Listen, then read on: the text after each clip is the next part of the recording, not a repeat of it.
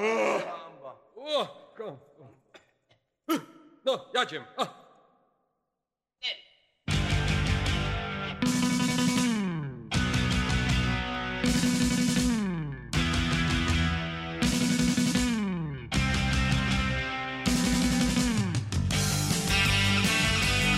Y, Witajcie ponownie, tym razem próba mikrofonu wakacyjna.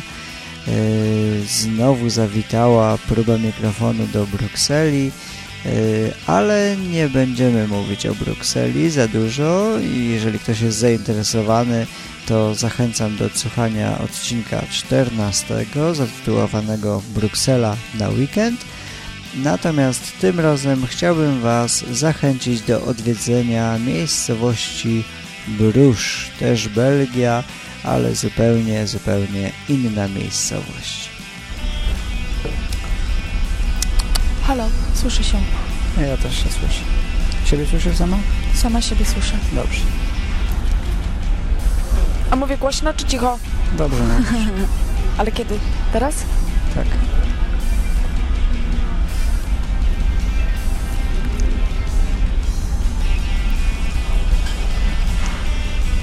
Już? No, możemy zaczynać. Tylko nie zacz mikrofonu. Dzień dobry, jesteśmy na promie, który może Wam dzisiaj opiszemy. A czemu jesteśmy na promie? A jesteśmy na promie, bo wybieramy się do Europy. Ale jesteśmy w Europie. Nie, Anglia to nie Europa. Anglia to nie Europa i my się wybieramy zobaczyć, czy coś w Europie zmieniło. E, ostatnim razem byliśmy dwa lata temu chyba w Brukseli, bo do Brukseli w tym momencie płyniemy, a generalnie jedziemy. Jedziemy sobie na weekend. Piątek, sobota, niedziela i poniedziałek wracamy. Tak, no piątek wieczór teraz jest, wyjeżdżamy, także sobota, niedziela, poniedziałek. Y, Mamy w planach odwiedzić jeszcze Brusz. Jeszcze tam nie byliśmy. I zobaczymy, jak nam pogoda dopisze. Na razie jest bardzo ładnie. Prognozy są różne. Może być trochę zachmurzenia, może być nawet trochę ulewy, ale nawet jak będzie to ulewa, to będzie to letnia ulewa. No i teraz jesteśmy Teraz jesteśmy sobie w pierwszej klasie. To jest, no tak, to jest pierwsza klasa Oczywiście. e, La, La Veranda Bistro Bar, tak się nazywa. I właśnie kupiliśmy sobie piwa. Co nas zaskoczyło, cena piwa jest taka jak w pubie w Anglii. Zapłaciłem za piwo 2,80. No powiedz o promie. Jak to jest na promie? Jak się przychodzi przez granicę, kontrolę może? Powiem tak, już tyle razy pływałam promem, że dla mnie to już jest, nie wiem, normalne. Trudno mi powiedzieć, co mnie zas- zaskakuje, a co nie. Ale niektórzy jeszcze nie No płynęli wiem, wcale. nie wiem, co powiedzieć. Prom. Wjeżdża się na prom. No poczekaj po kolei. No przecież w Europie są chyba tylko dwa takie kraje, gdzie mieszkańcy mają problem wciąż z granicami. Jeden kraj to jest właśnie Wielka Brytania, drugi kraj to jest, Irlandia. że te kraje dobra. skandynawskie jakieś też właściwie, czyli nie tylko dwa kraje, Nie. ale w każdym razie jako europejskie, no to my mamy y, problem tego rodzaju, że za każdym razem musimy przejść przez granicę, bo czy to lecąc samolotem musimy przejść odprawę celną, czy to y, też, tak jak teraz, przepłynąć promem, to też musimy pójść i, y, tą, i, się jakoś odprawić. Co prawda na prom to przechodzi, przebiega bardzo sprawnie, szybko, bo się podjeżdża samochodem i jest kontrola dokumentów, taka przy okienku, tylko ktoś tam zerknie na papierek. Później się podjeżdża do drugiej budki, gdzie już dostaje się stanowisko i tam już się czeka samochód. No i później co? Później się wjeżdża na prom, On się parkuje. Gdzie się parkuje, to jest ogromna taka przestrzeń. Są samochody jeden za drugim, kilka linii samochodów. Tak, pięć rzędów chyba po jednej stronie samochodów, pięć rzędów po drugiej stronie. Yy, to jest I chyba z trzy poziomy. i, i dwa albo trzy poziomy. No dwa na pewno. Być może trzy poziomy. Jeszcze jest tak, tak jakiś tam jest dla ciężarówek i autobusów. a później jak się wchodzi już do góry, to prom ma trzy deki, trzy Poziomy. poziom, poziomy. Ale najpierw wychodzi się z samochodu bądź autobusu i trzeba zapamiętać, na którym się na którym poziomie się zaparkowało samochód i którymi schodami się wchodzi. Schody są oznaczone kolorami czerwony, zielony, pomarańczowy, żółty. No, zależy od promu. To ułatwia nam z, e, później znalezienie naszego samochodu. My akurat teraz wchodziliśmy schodami zielonymi, a na poziomie jesteśmy piątym. No właśnie, Znaczy trzeba samochód. zapamiętać, tak, trzeba zapamiętać na którym poziomie jest auto bądź autobus i jaki kolor schodów, żeby się nie pogubić. No. A później to możemy już się cieszyć i zwiedzać prom i wyjść sobie na zewnątrz i pogubić się troszeczkę, bo każdy prom wygląda inaczej, dlatego można się pogubić. I to jest takie fajne, przyjemne gubienie się. Praktycznie po pół godziny wiemy już wszystko, jeżeli chodzimy po całym promie. A jeżeli sobie pozwalamy na to, żeby przejść, się zatrzymać, to cała podróż może być spędzona w taki sposób, że po 20 minut w każdym miejscu. Atrakcje, jakie tu są, są bary, restauracje, na niektórych promach takie ala puby, jest sala telewizyjna, sklep z bezcłowym alkoholem, papierosami i kosmetykami, perfumami najczęściej. I tutaj dodam, że ceny są takie same jak e, w mieście. No, n- nie ma, nie ma rewelacji, to prawda. E, poza tym jeszcze są tutaj automaty z grami, jakby ktoś, jak ktoś lubi. E, generalnie to wszystko. Z No. atrakcji, znaczy z atrakcji, no. No. No i można wyjść na zewnątrz, na taras widok, nie wiem, widokowy, czy jak to nazwać. O, zobaczcie, jaka ładna pogoda, widać Francję. To jest Calais. Nasz, jedziemy z, em, skąd? Z Dover do Dunkierki. Dwie godziny. A później w samochód i do Brukseli. Ile mniej więcej będziemy jechać?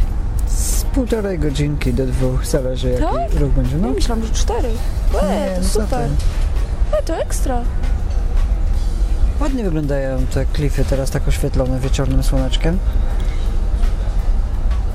No i to tyle w tym wejściu. Zobaczymy dalej, co, co będziemy mieli do powiedzenia. No i właściwie to tyle, co możecie usłyszeć z naszych e, wspólnych głosów, czyli mojego nagrywania razem z Wiolą, bo później jakoś tak wyszło, że dyktafon e, nie był po prostu używany. Ja go tylko raz jeszcze wyciągnąłem. E, Puszczę może ten fragment, nie wiem, minutka może będzie.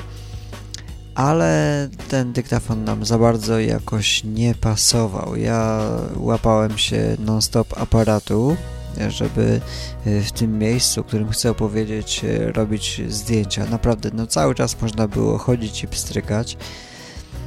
No i, i wyszło jak wyszło. No dobrze, ale zanim przejdziemy do Bruges, czy też Brugge, czy Brugie, nie wiem jak to się wymawia, Brugge, nie wiem, to niech tam już sobie ktoś, e, niech sobie każdy z Was samemu sprawdzi.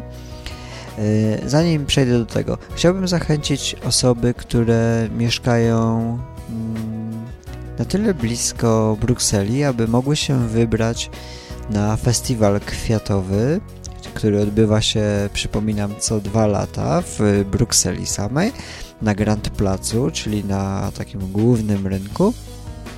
I na przykład Gosia Samosia albo Magda Omani, bądź też nawet Hochlander Przemion mógłby się wybrać yy, na ten festiwal, który odbędzie się 12-13 sierpnia. Każdego dnia, najlepiej wieczorem sobie przyjść, przyjechać i yy, ja polecam wejście na balkon, jeżeli ktoś tam mm, słuchał mojego podcastu Bruksela na weekend, odcinek 14, tam jest link, gdzie można zobaczyć wideo z mm, takiej właśnie prezentacji, e, już nie pamiętam z którego roku, No ale można sobie wejść na balkon i można sobie to wszystko samemu zobaczyć. Wrażenie jest niesamowite, jest bardzo fajne.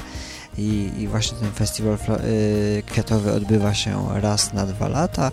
W tym roku 12-13 sierpnia y, polecam wszystkim, którzy będą mieli taką okazję, aby się tam wybrać. No dobrze, to tyle odnośnie Brukseli. Yy, a teraz przejdźmy do tego Brugge, Brugi, Bruges, czy tam jak to się wymawia, nie mam pojęcia. Nigdy nie słyszałem jak to wymawiają Belgowie, a więc yy, zielonego pojęcia nie mam. Ja będę mówił Brusz i na pewno to jest niepoprawne. Sprawdźcie sobie, pisze się Byry u g, g e Brugge. Miejscowość Y, która znajduje się 90 km od Brukseli, a więc y, jakąś godzinkę jazdy autem, autostradą. I jest to miejscowość taka flamandzka Wenecja.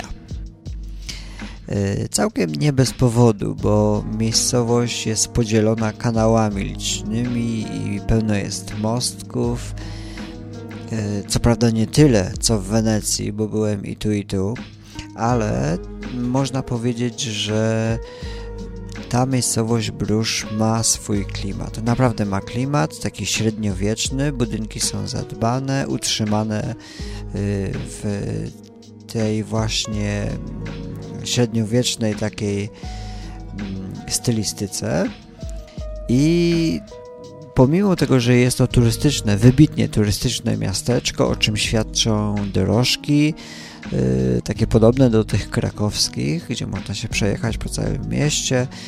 Yy, są też kanały i można tam się przepłynąć yy, tymi łódkami. Nie wiem tam ile wchodzi osób. Ja nie płynąłem akurat, ale 12, może 15 osób wchodzi na taką łódkę. Można się przepłynąć tymi kanałami, posłuchać sobie historii miasta, ciekawostek.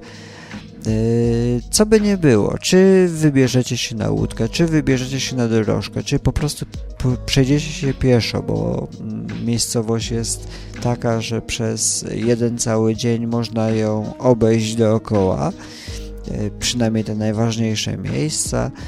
Yy, zdecydowanie jest to miasto, które każdy taki globetrotter, każdy, kto lubi zwiedzać ciekawe miejsca, odwiedzić powinien, więc bardzo Was zachęcam do odwiedzenia Brusz.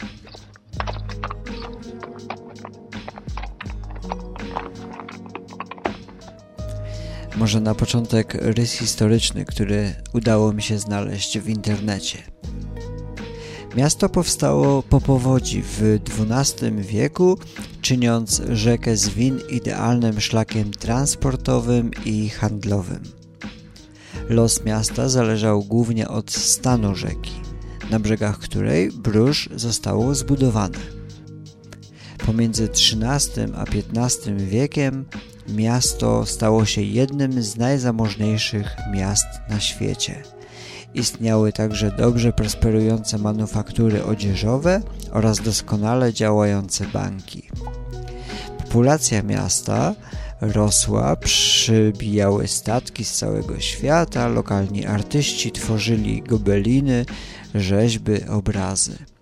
Wpływowi mieszkańcy wspierali artystów. W połowie XVI wieku wszystko uległo zmianie. Rzeka Zwin uległa zamuleniu czyniąc niemożliwym rejsy handlowe oraz pasażerskie.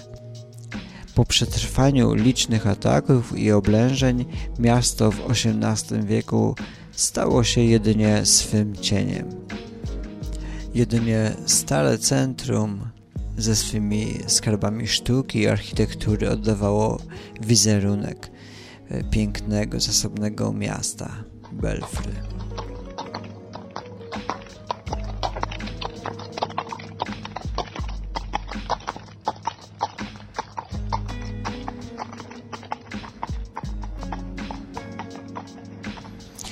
Mogę powiedzieć od siebie? No, e, jeden dzień właściwie wystarczy, aby zobaczyć najciekawsze zakątki tego historycznego miasta. e, jak najlepiej tam się poruszać, bądź też e, jaki jest najlepszy sposób, aby zobaczyć najciekawsze miejsca. Wydaje mi się, że po prostu spacer. Mm, on pozwoli na dotarcie do wielu zakamarków tego miasta, ale także bardzo dobrym sposobem jest rejs po spokojnych kanałach. Rejs umożliwia zwiedzenie niemal zapomnianej części miasta takie miejsca, do których y, po prostu wdepnąć się nie da, ale wpłynąć to już można. Y, jeżeli będziemy spacerować, no to będziemy często spacerować brukowanymi uliczkami, y, które są po prostu świetne. Jeszcze ten odgłos końskich kopyt latem, które tam rozbrzmiewają po tych uliczkach.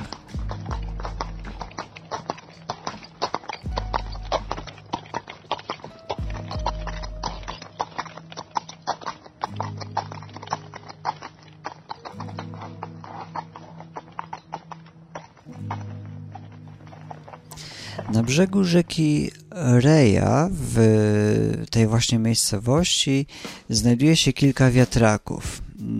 Mnie udało się zobaczyć cztery z nich, jak szliśmy sobie brzegiem rzeki. E, są to wiatraki zbudowane w XVIII wieku. E, każdy z nich jest postawiony na, takiej, na takim wzgórzu sztucznie usypanym. Tak mi się wydaje, że jest to sztucznie usypane wzgórze. E, wiatraki mogą się obracać wokół własnej osi, tak żeby znaleźć, znaleźć najlepsze, mm, dogodne warunki wietrzne. No i e, z tychże wiatraków rozchodzi się przepiękny widok na całą okolicę. E, jeszcze wlazłem do góry, no nie byłbym sobą, gdybym nie wszedł. Wlazłem do góry po schodach i z góry popstrykałem kilka zdjęć e, i mam też we wspomnieniach właśnie widok e, z góry, e, co mi się bardzo podoba, że można sobie wejść nie było żadnych tam szlabanów, żadnych łańcuchów, żadnego mm, zakazu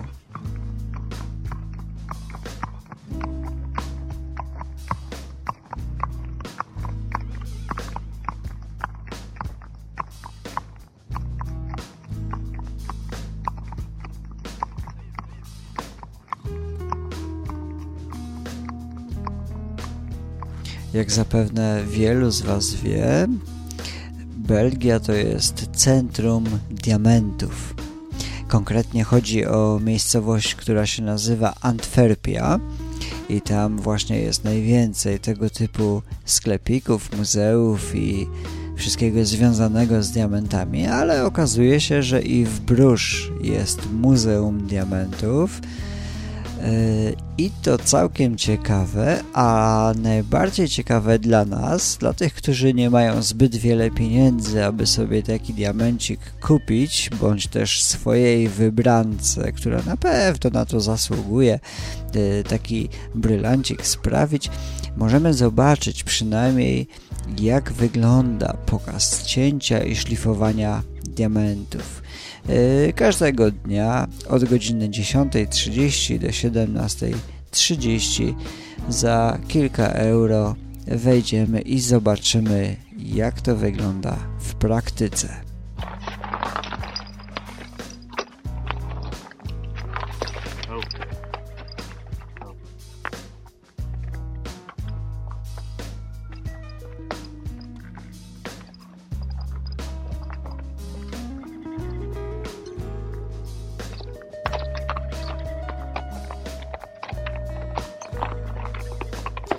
Jeżeli chodzi o zabytki, takie znane zabytki w Bruges, to chyba najbardziej znanym jest kościół Panny Marii mm, jak to się nazywa? Maria Pan... Nie, par... nie, no Marii Panny, po prostu Marii Panny. Tak, chyba tak. No, teraz się samemu zamotałem, ale dokładnie. Jest to kościół Marii Panny. Yy, I teraz co jest takiego ciekawego? Kościół yy, wybudowany w XIII wieku Y, z ceglaną wieżą i właśnie o tą wieżę chodzi, bo wieża ma 122 metry wysokości i jest drugą najwyższą wieżą kościelną w Belgii.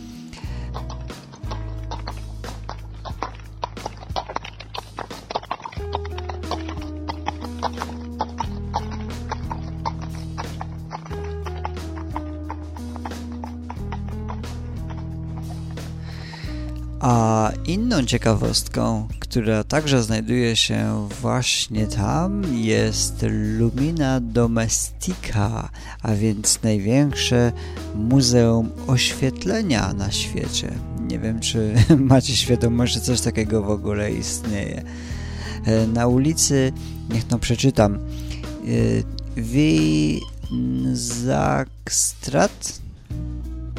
Winzakstrat Winzakstad Winzakstat. O, jakoś tak jest łatwiej. Dwa. Y, jest właśnie to muzeum. Y, rodzina Cedik i Andy Van Bell prowadzą. A ciekawostką jest właśnie to, że i ekspozycja tego muzeum przedstawia ponad 400 tysięcy lat y, tej całej długiej walki przeciwko ciemności człowieka człowiek próbował sobie oświetlać wszelkie pomieszczenia i gdy nie było naturalnego światła, próbował sobie jakoś z tym wszystkim radzić, no i te różnego rodzaju akcesoria pomagające człowiekowi w oświetleniu możemy zobaczyć w tym muzeum.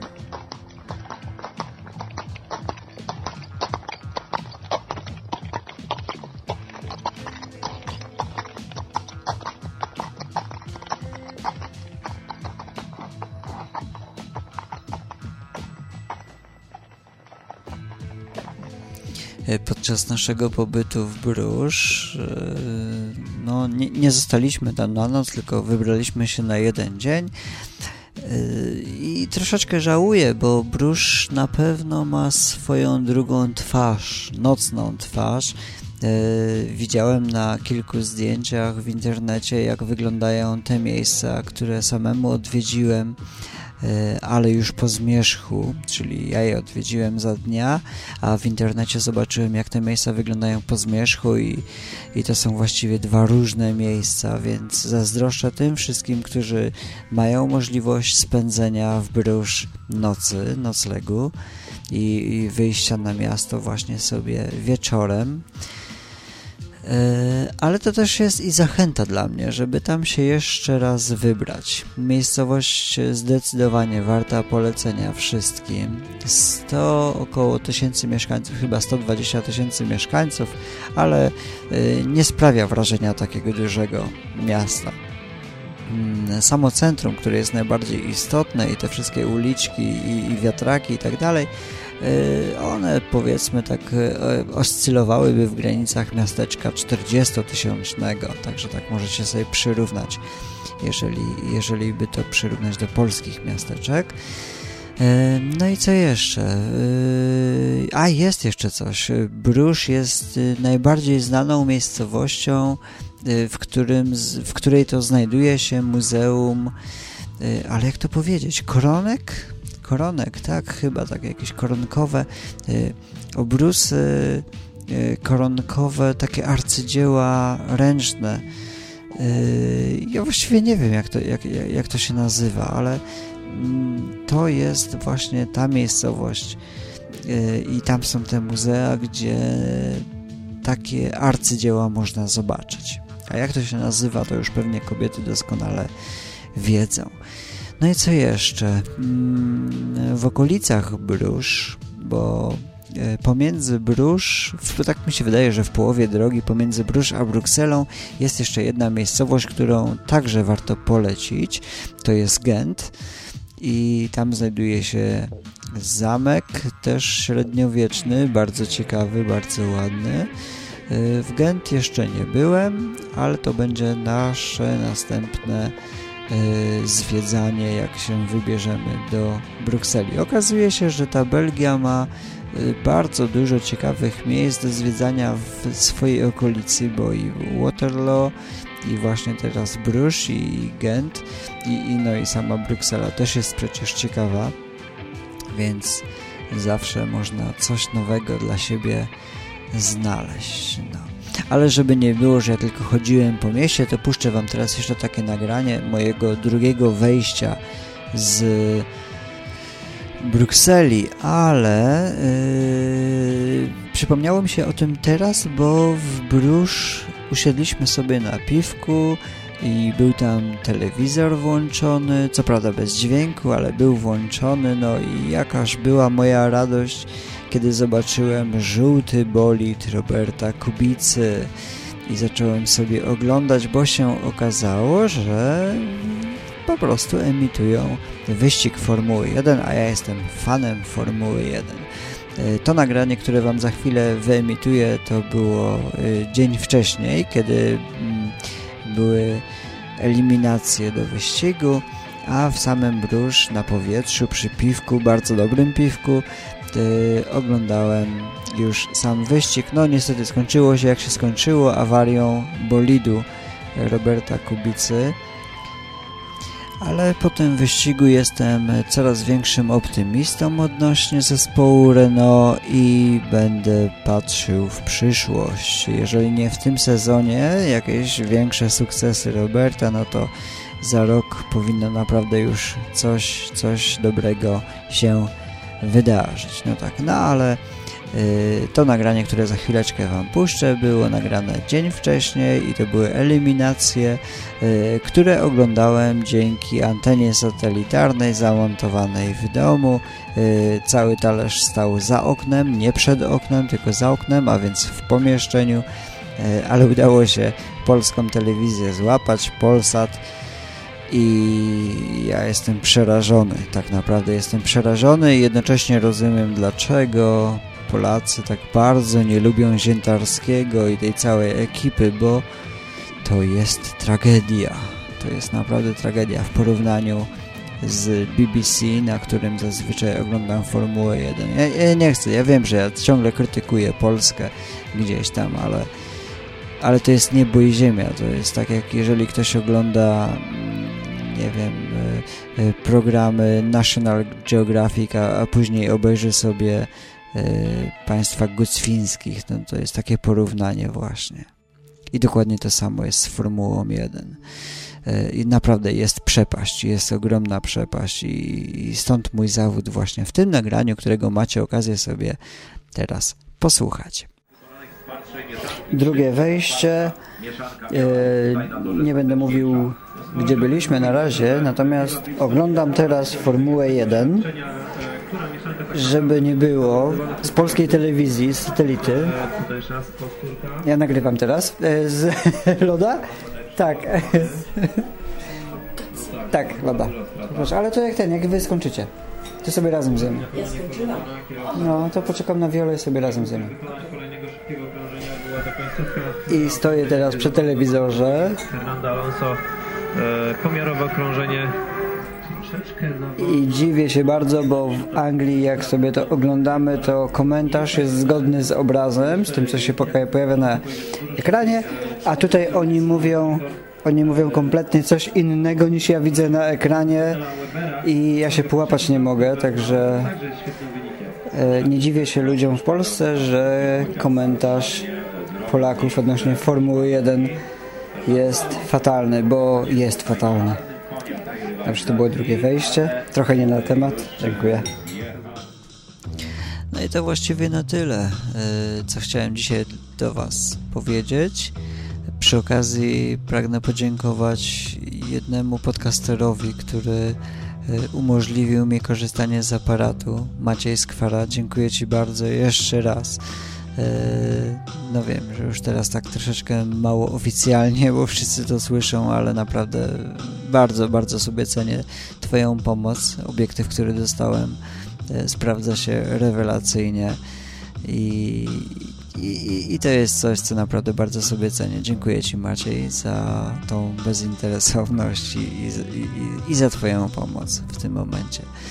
Dobrze, yy, moi drodzy, to na tyle na dzisiaj. Ja pożegnam się Macieja yy, słynnym powiedzeniem czyńcie dobro, bo w tym momencie to właśnie chyba najbardziej odpowiada yy, temu, co czuję.